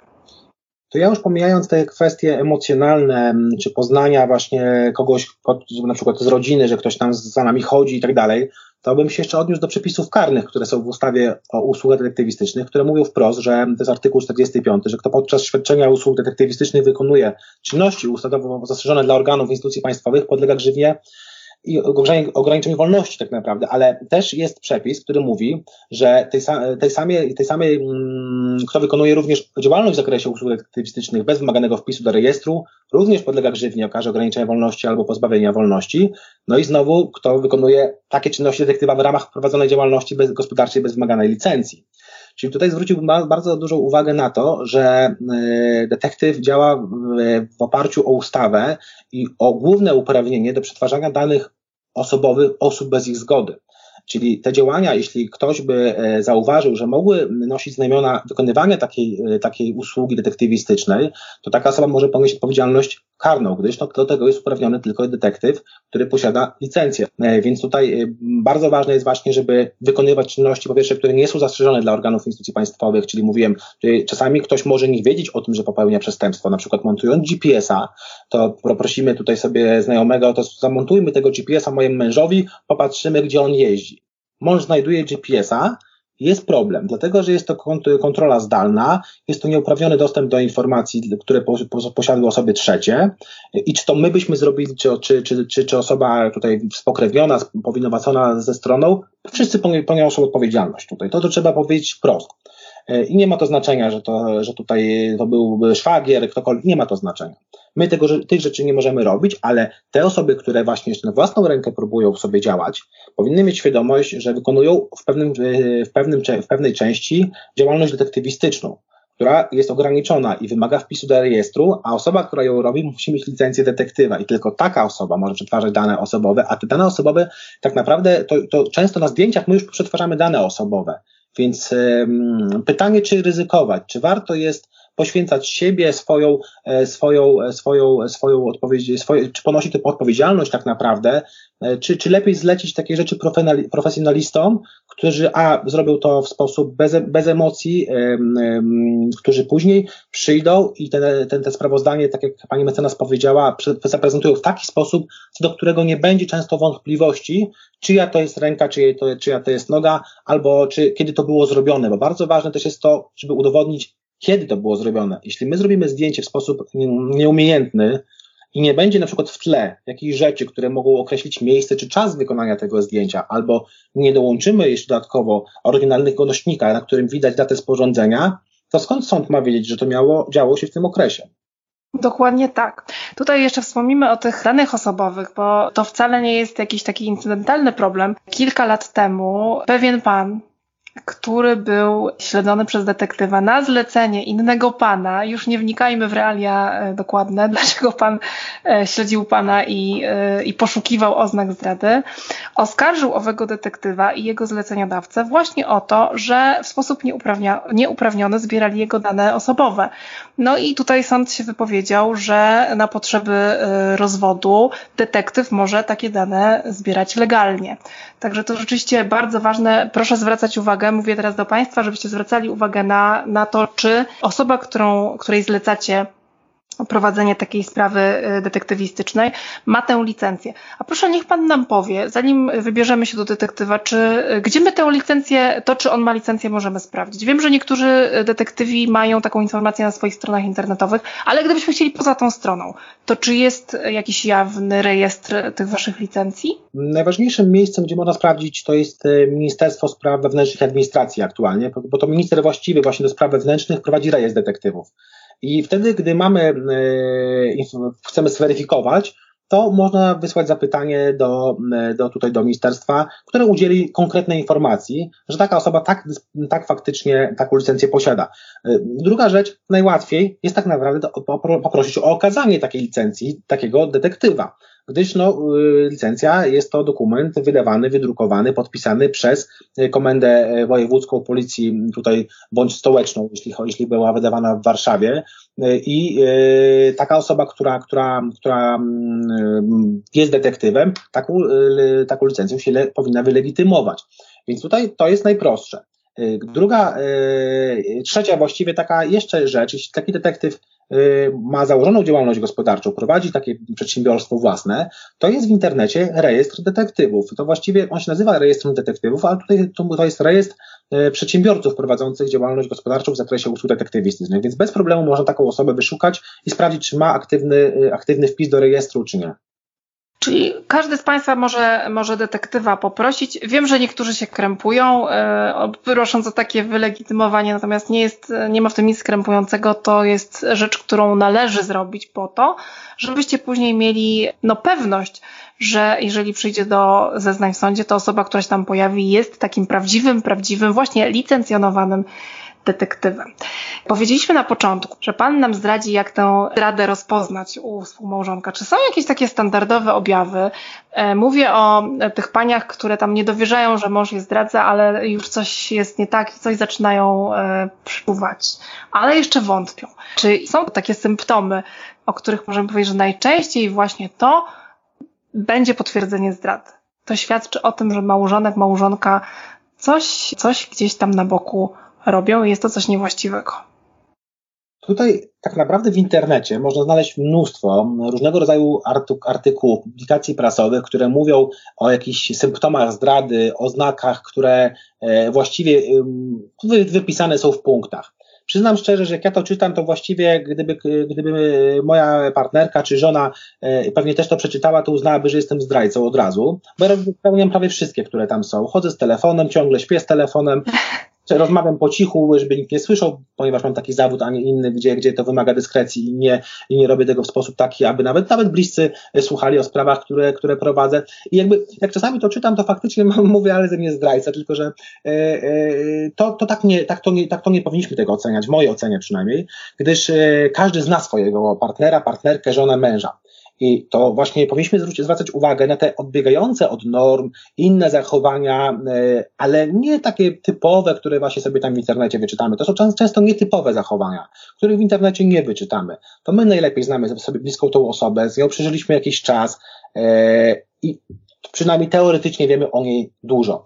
Więc e, najważniejsze to jest obserwowanie samemu pewnych zachowań, a czasami nawet notowanie pewnych rzeczy. Kiedy coś się wydarzyło, to może warto nawet sobie zanotować taką w, w kalendarzu sytuację, że coś się wydarzyło, i ta, i, a na przykład później okazuje się, że to się zdarza cyklicznie z czego nie wyłapiemy, jeśli sobie nie zanotujemy, prawda? Może e, znajdziemy jakiś na przykład e, dokument, który warto właśnie na przykład z detektywem omówić, czy, czy, czy, czy, czy, czy, czy z prawnikiem, który może o czymś świadczyć, prawda? ale nie musi o tym świadczyć wcale. Więc tutaj y, czasami jak znajdujemy y, w, w, kieszeni niechcący podczas prania jakiś paragon za zakupioną bieliznę, to żeby nie okazało się, że za chwilę do, właśnie ona miała być prezentem dla, y, dla właśnie dla tej osoby, która znalazła ten paragon, a, a już mogła być awantura o to, że jakiś kochance, y, o kochance był, był kupiony. Czasami warto poczekać, warto poczekać, bo taką powiem, y, przykrą mieliśmy historię, kiedy nasza klientka po, po naszej pracy dowiedziała się, że mąż jej właśnie nie zdradza, a w dni, w które znikał, remontował ich wspólny dom na rocznicę ślubu, no i niespodzianka była zepsuta. No, no rzeczywiście, to musiało być przykre, takie smutne, no bo pan się pewnie bardzo starał. Tak, no tutaj czasami możemy zepsuć tą niespodziankę, dlatego ja zawsze mówię niespodziankę, czy po prostu czasami, mm, no niestety druga osoba może, która faktycznie nie ma nic e, na sumieniu, no może poczuć się urażona, że, że ktoś jej jednak nie ufa e, i postanowił to sprawdzić, dlatego my zawsze rekomendujemy, żeby nie, jak ktoś przychodzi i ma pierwszą oznakę już, którą wyczytał w internecie, bo mąż nagle siedzi z nowym telefonem e, non-stop, no jak siedzi z nowym telefonem, ma nowy telefon, no to siedzi non-stop. Ja też na początku siedzę non-stop z nowym telefonem, bo chcę go się nauczyć, ale poczekajmy, zobaczmy. My rekomendujemy, my potrafimy doradzić konkretnie do konkretnej sytuacji, do konkretnego mm, zdarzenia, co, na co zwrócić uwagę. I to jest właśnie to, o czym mówiliśmy wcześniej. Czym szybciej taka osoba z nami się skonsultuje, tym będzie łatwiej takiej osobie pomóc. Czasami ona już do nas więcej nie zadzwoni i to bardzo dobrze. To znaczy, że wcale nic takiego się tam nie wydarzyło złego w, w jej życiu. To jest bardzo dobra oznaka, bo jeśli my podpowiemy pewne rzeczy, nawet na takiej konsultacji, yy, powiemy na co zwrócić uwagę, bo być może nawet takiej osoby nie stać wcale na nasze usługi w pełni, ale możemy podpowiedzieć, jak w pewnym stopniu samemu zebrać takie materiały, które przy, przy, przy przypadku toczącego się w przyszłości postępowania mogą pomóc, a które mogą nie zaszkodzić nawet karnie takiej osoby, jeśli na przykład wpadnie na pomysł genialny, że będzie e, komuś na przykład w miejscu prowadzenia działalności gospodarczej zostawiać dyktafon i będzie pozyskiwać informacje na przykład, które są objęte tajemnicą przedsiębiorstwa. No, my takie rzeczy wiemy, czego nie wolno, co wolno robić, co warto zrobić, czego nie warto. Więc tutaj, e, tak jak mówię, tutaj rozmawialiśmy cały czas o tym, kiedy warto do tego detektywa i do prawnika się zwrócić. Y, czym szybciej, y, tym lepiej, dlatego że czasami y, te nasze podejrzenia wcale nie muszą okazać się prawdziwe, a wręcz może kogoś spotkać, no, taka, nawet bym powiedział, przyjemna informacja, że właśnie nic takiego się nie dzieje, no tylko nie zepsujmy sobie właśnie jakichś niespodzianek, nie zepsujmy sobie tego związku, żeby ktoś, no jednak, kto naprawdę nie ma nic na sumieniu, no nie obraził się za to, że, że ktoś został o coś posądzony, prawda? Możecie obserwować, nie możecie podsłuchiwać. E, możecie e, zbliżyć się w terenie, nie możecie wejść do kogoś do domu. E, no, nie możecie udawać policjantów. Ale czy nie jest troszkę tak jak w filmach sensacyjnych, że na przykład możecie używać jakiś fajny, nowoczesny sprzęt i jak wygląda kontakt z klientem. Wiem, że mu podpowiadacie, co ma robić, co nie robić, ale czy na przykład możecie klienta wyposażać, bo wy nie możecie podsłuchiwać y, małżonka, ale na przykład gdybym ja chciała posłuchać swojego, no to czy nie mogłam go nagrywać? Bardzo często przecież na sali sądowej y, małżonek składa stenogramy z rozmów, które prowadził, wyjęte kompletnie z kontekstu, no ale sędzia to tylko człowiek, tak jak pan powiedział. I y, jak mu się odpowiednią ilość dostarczy takich rozmów, nawet wyjętych z kontekstu, no to gdzieś tam pewnie może zadziałać. Tak, to są właśnie te rozwiązania, które my rekomendujemy klientom często właśnie na początku, czyli zanim my pojedziemy na tą obserwację, to warto czasami posłuchać, co tak naprawdę się dzieje w, na przykład w miejscu zamieszkania, czy w tym wspólnym samochodzie, którym jeździmy, bo być może ta osoba o czymś mówi. I te właśnie rozmowy mogą o czymś świadczyć. Na przykład, że się będzie z kimś umawiać w piątek na 17. To po co obserwować od poniedziałku do piątku, jak można tylko w piątek od, zacząć od 17 czy od 16, co po pierwsze A ogranicza koszty klientowi, dwa troszeczkę ułatwia nam pracę, bo my możemy w danym miejscu, czy ewentualnie być przygotowani, że właśnie w okolicach tej godziny coś się zadzieje.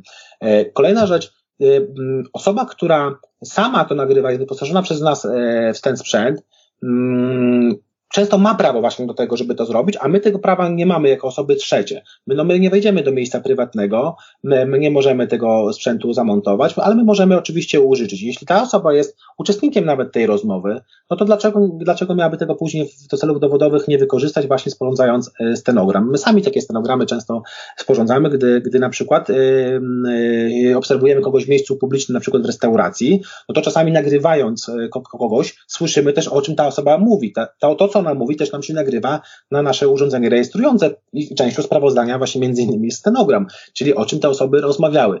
Więc my faktycznie wypożyczamy y, czasami sprzęt, czasami rekomendujemy zakup odpowiednich urządzeń i one, tak jak mówię, pozwalają często ułatwić, uprościć, y, właściwie przygotować często strategię działania, która pozwoli skrócić czas tej naszej pracy, ograniczyć y, koszty to jest właśnie to, to też rekomendowane, kiedy klienta po prostu fizycznie nie stać na, na naszą pracę.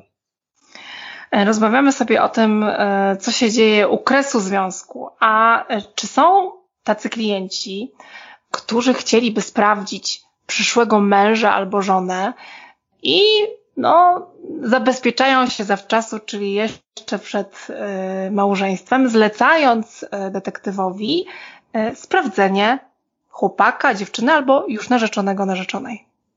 Tutaj nie tylko bezpośrednio te osoby zainteresowane się zwracają, ale czasami teściowa na przykład chce sprawdzić swojego zięcia. E, co, co ciekawe, najczęściej, kiedy teściowa czy, czy teściowie się zwracają, to, to, to zazwyczaj w 100% mają rację co do swoich e, podejrzeń. Tutaj jeszcze nie mieliśmy sytuacji, żeby to się nie potwierdziło. I tutaj sprawdzamy różne rzeczy. E, tutaj już nie tylko mówimy o kwestii wierności czy niewierności, ale jeśli wchodzimy z kimś, z kimś w związek małżeński, to chcielibyśmy nie mieć w przyszłości jakichś problemów, e, które, które można było tak naprawdę przewidzieć albo o nich się dowiedzieć. No jeśli ktoś jest zadłużony po uszy, warto o tym wiedzieć wcześniej, bo, bo nie fajnie byłoby nagle, żeby komornik zaczął pukać do naszych wspólnych drzwi w miejscu naszego zamieszkania i zaczął zajmować ruchomości należące teoretycznie do dłużnika.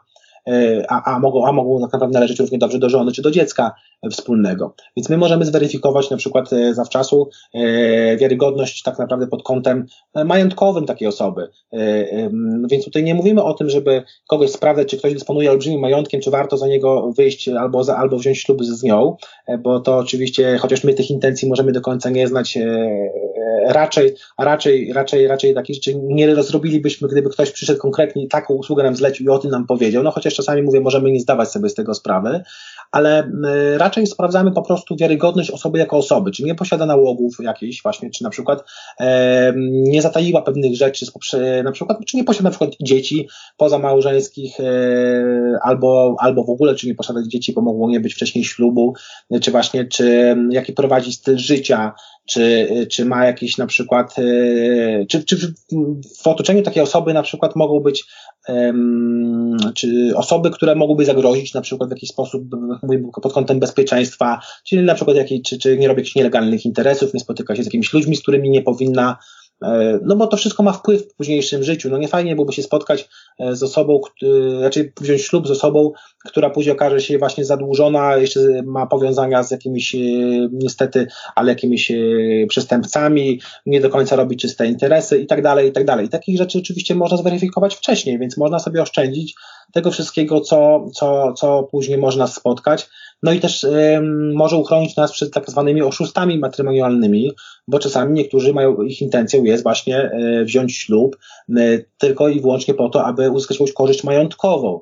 Więc tutaj y, takich tak zwanych tulipanów y, zawsze było wielu, ale teraz jest ich y, chyba jeszcze więcej. Nie wiem z czego to wynika, mm, ale, ale takich kobiet, które są pokrzywdzone przez właśnie takich oszustów, no jest coraz więcej i, i to często nawet y, zaangażowanie emocjonalne y, właściwie jest ważniejsze niż to finansowe, czy te kobiety często mm, bardziej, bardziej przeżywają to, że zostały oszukane, niż to, że zostały oszukane na pieniądze. To są chyba bardzo ciężkie sprawy. A czy kobiety też tak działają? To znaczy, czy y, zdarzają się kobiety tulipany? To działa w obie strony. Oczywiście tutaj nie, nie można absolutnie mówić, że tutaj jakaś jedna ze stron e, tylko w taki sposób postępuje, bo intencje mogą być nieczyste z obu stron, zarówno kobiet, jak i mężczyzn. Czasami mężczyźni uważają, że na przykład no, e, kobieta w ich życiu, e, nie wiem, właśnie ma jakieś może złe intencje, bo tylko na przykład, nie wiem, oczekuje wsparcia finansowego i tak dalej, ale to również działa w drugą stronę. To mężczyźni często też, niestety, ale są na przykład jakimiś, przepraszam, ale nieudacznikami, nieudacznikami którzy biorą sobie taki sposób na życie i, i będą tylko i wyłącznie żerować na, na kobiecie, więc tutaj, więc tutaj mm, nie, nie, absolutnie nie ma, nie, ma, nie ma mowy o tym, żeby, że to tylko robią mężczyźni, to, to działa w obie strony.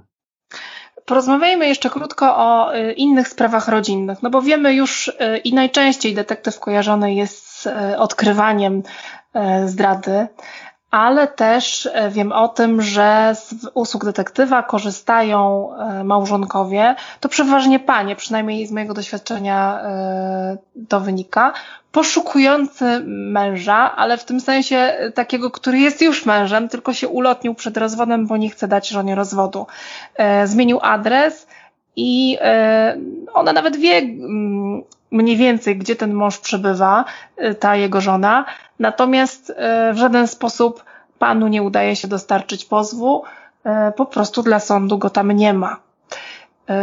To to są sprawy, w których również możemy zatrudnić detektywa i on nam oczywiście dostarczy odpowiednie, odpowiedni materiał do tego, żeby sąd zobaczył, że pan pod danym adresem istnieje, mieszka, przebywa. A jakie jeszcze, z jakimi jeszcze sprawami rodzinnymi możemy udać się do detektywa? Jakie najczęściej panu przedstawiają klienci? Znaczy tutaj oczywiście bardzo słuszna uwaga, bo detektywi faktycznie e, często ich właśnie zadaniem jest ustalenie miejsca zamieszkania danej osoby, na przykład celem właśnie doręczenia, doręczenia e, pozwu. Tego typu rzeczy również mają miejsce w przypadku dłużników, czyli gdy, gdy chcemy odzyskać jakieś, jakieś swoje, mamy jakąś wierzytelność w stosunku do dłużnika, no i tutaj nie wiemy, gdzie on ten dłużnik mieszka, a komornik nie ustalił żadnego majątku, a być może, że w miejscu, w którym właśnie zamieszkuje ten dłużnik, może jakiś majątek udałoby się znaleźć. Takimi sprawami, sprawami oczywiście również się zajmujemy. No, czasami zajmujemy się poszukiwaniem majątku zbytego, gdyż no, tak zwana jest skarga pauliańska, którą można wnieść w określonym czasie do sądu. Komornik umorzy postępowanie, gdyż nie ma tu, tu i teraz żadnego majątku, możliwości zaspokojenia wierzyciela, ale my ustalimy na przykład, że jakiś majątek był zbywany i na przykład był zbywany na osoby bliskie, spokrewnione, gdzie mogłoby się udać na przykład być może pani mecenas wykazać, że, e, że, że to było celowe działanie celem, celem właśnie ukrycia majątku przed wierzycielami. Więc e, tych spraw jest tak dużo, że właściwie moglibyśmy pewnie godzinami o tym rozmawiać. Ja to, to zawsze trochę tak to spłycam i mówię, że detektyw jest zawsze tam, gdzie jest potrzebna jakakolwiek informacja, której nie jesteśmy sami w stanie zdobyć, albo nie potrafimy jej zdobyć w sposób profesjonalny, rzetelny i zgodnie z prawem. Czyli na przykład, jeżeli e, mój mąż, to znaczy oczywiście nie mój, bo ja mam wspaniałego męża, który na pewno będzie słuchał tego podcastu, więc mąż Kowalskiej mówi, że nie ma absolutnie żadnego dochodu. My wiemy, Kowalska wie, że dochód ma, tylko, e, tylko ma zaświadczenia i oświadczenia, z których wynika, że nie ma. To e, jest jak najbardziej odpowiedni temat do tego, żeby się do Pana z nim udać. Oczywiście, bo my wtedy dokumentujemy, że taka osoba ma pewny, pewny styl, sposób życia na odpowiednim poziomie. No, niejednokrotnie mieliśmy dłużnika bezrobotnego jeżdżącego Porsche i tankującego samochód za kwotę wyższą niż uzyskiwał, niż uzyskiwał z Urzędu Pracy jako, miesięczny, jako miesięczna to kwota, którą właśnie jako bezrobotny miał otrzymać. Więc pokazanie pewnych, pewnych rzeczy przez nas e, daje pewien obraz sądowi, i z kim tak naprawdę ma do czynienia, bo sam dokument stwierdzający, że taka osoba ma w picie, e, zarabia, wychodzi 30 tysięcy rocznie, e, no okazuje się, że potrafi te, te 30 tysięcy wydać w ciągu miesiąca na różne, różnego rodzaju rzeczy, czy nawet na zegarek ma droższy na ręku niż, niż, niż te 30 tysięcy. Więc tutaj my oczywiście możliwości majątkowe i zarobkowe, czy zobowiązanych do płacenia alimentów, czy, czy pod kątem jakimkolwiek innym, jak najbardziej badamy, weryfikujemy. To jest taka typowa dla nas usługa. A, ciekawy, ciekawy zawód. Powtórzę jeszcze raz. Panie Bartoszu, a czy Pan mnie sprawdził przed, przed naszą dzisiejszą rozmową? Y, Powiem mecenas, ja sprawdziłem, ja sprawdziłem, mecenas istnieje i nawet sprawdziłem y, Pani podcasty na Spotify'u, których nawet kilka y, miałem okazję przez chwilę posłuchać i, i wiem, że Pani mecenas robi to świetnie i mam nadzieję, że nas też zachęci do słuchania dalej Pani mecenas na, na Spotify'u i mam nadzieję, że w innych miejscach. Teraz zupełnie serio, myślę, że pewne sprawy warto oddać profesjonalistom, tylko należy pamiętać o tym, by szukać ludzi no, właściwych, szukać profesjonalistów. E, proszę Państwa, proszę pamiętać o tym, że detektyw to osoba, która ma licencję. E, no i myślę też, że warto czasem polegać na poleceniach. Nie zapytałam Pana, jak dużo ma Pan poleceń, ale sądzę, że bardzo dużo, bo mnie również Pan został polecony.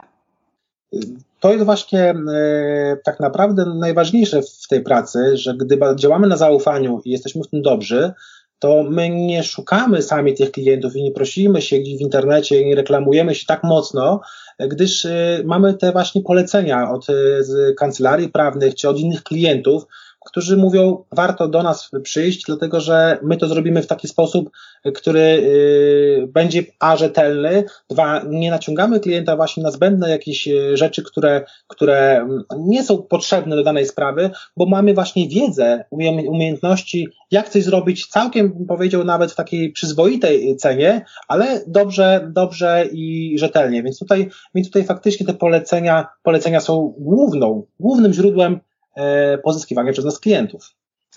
Ja pana Bartosza Weremczuka również bardzo polecam. Gdzie możemy pana spotkać? No bo wiem, że ma pan biuro detektywistyczne w Warszawie i mogę już teraz państwa zaprosić na stronę internetową. Niech pan nam powie, e, jak dokładnie brzmi adres i e, jak się z panem umówić. Jeśli chodzi o y, nasze działania, to my tak naprawdę nie jesteśmy w ogóle ograniczeni żadnym miastem, bo działania detektywów w ogóle y, tak naprawdę y, są możliwe na terenie całej Polski, Europy, a nawet świata i takie działania również prowadziliśmy, nawet bym powiedział, w najdalszych zakątkach świata, takich jak Indie czy inne. Każdy, kto tak naprawdę potrzebuje pomocy, może wejść na moją stronę detektywi.net, a tam jest numer telefonu, który y, obsługują osoby, e, to jest infolinia ogólnopolska i na pewno mm, dobiorą dla Państwa odpowiednie tutaj y, usługi, które, które być może będą pomocne w przypadku właśnie jakiegokolwiek, nie wiem, czy sporu sądowego, czy nawet zaspokojenia własnej potrzeby informacji. Bardzo Panu dziękuję. Niezwykle ciekawa rozmowa.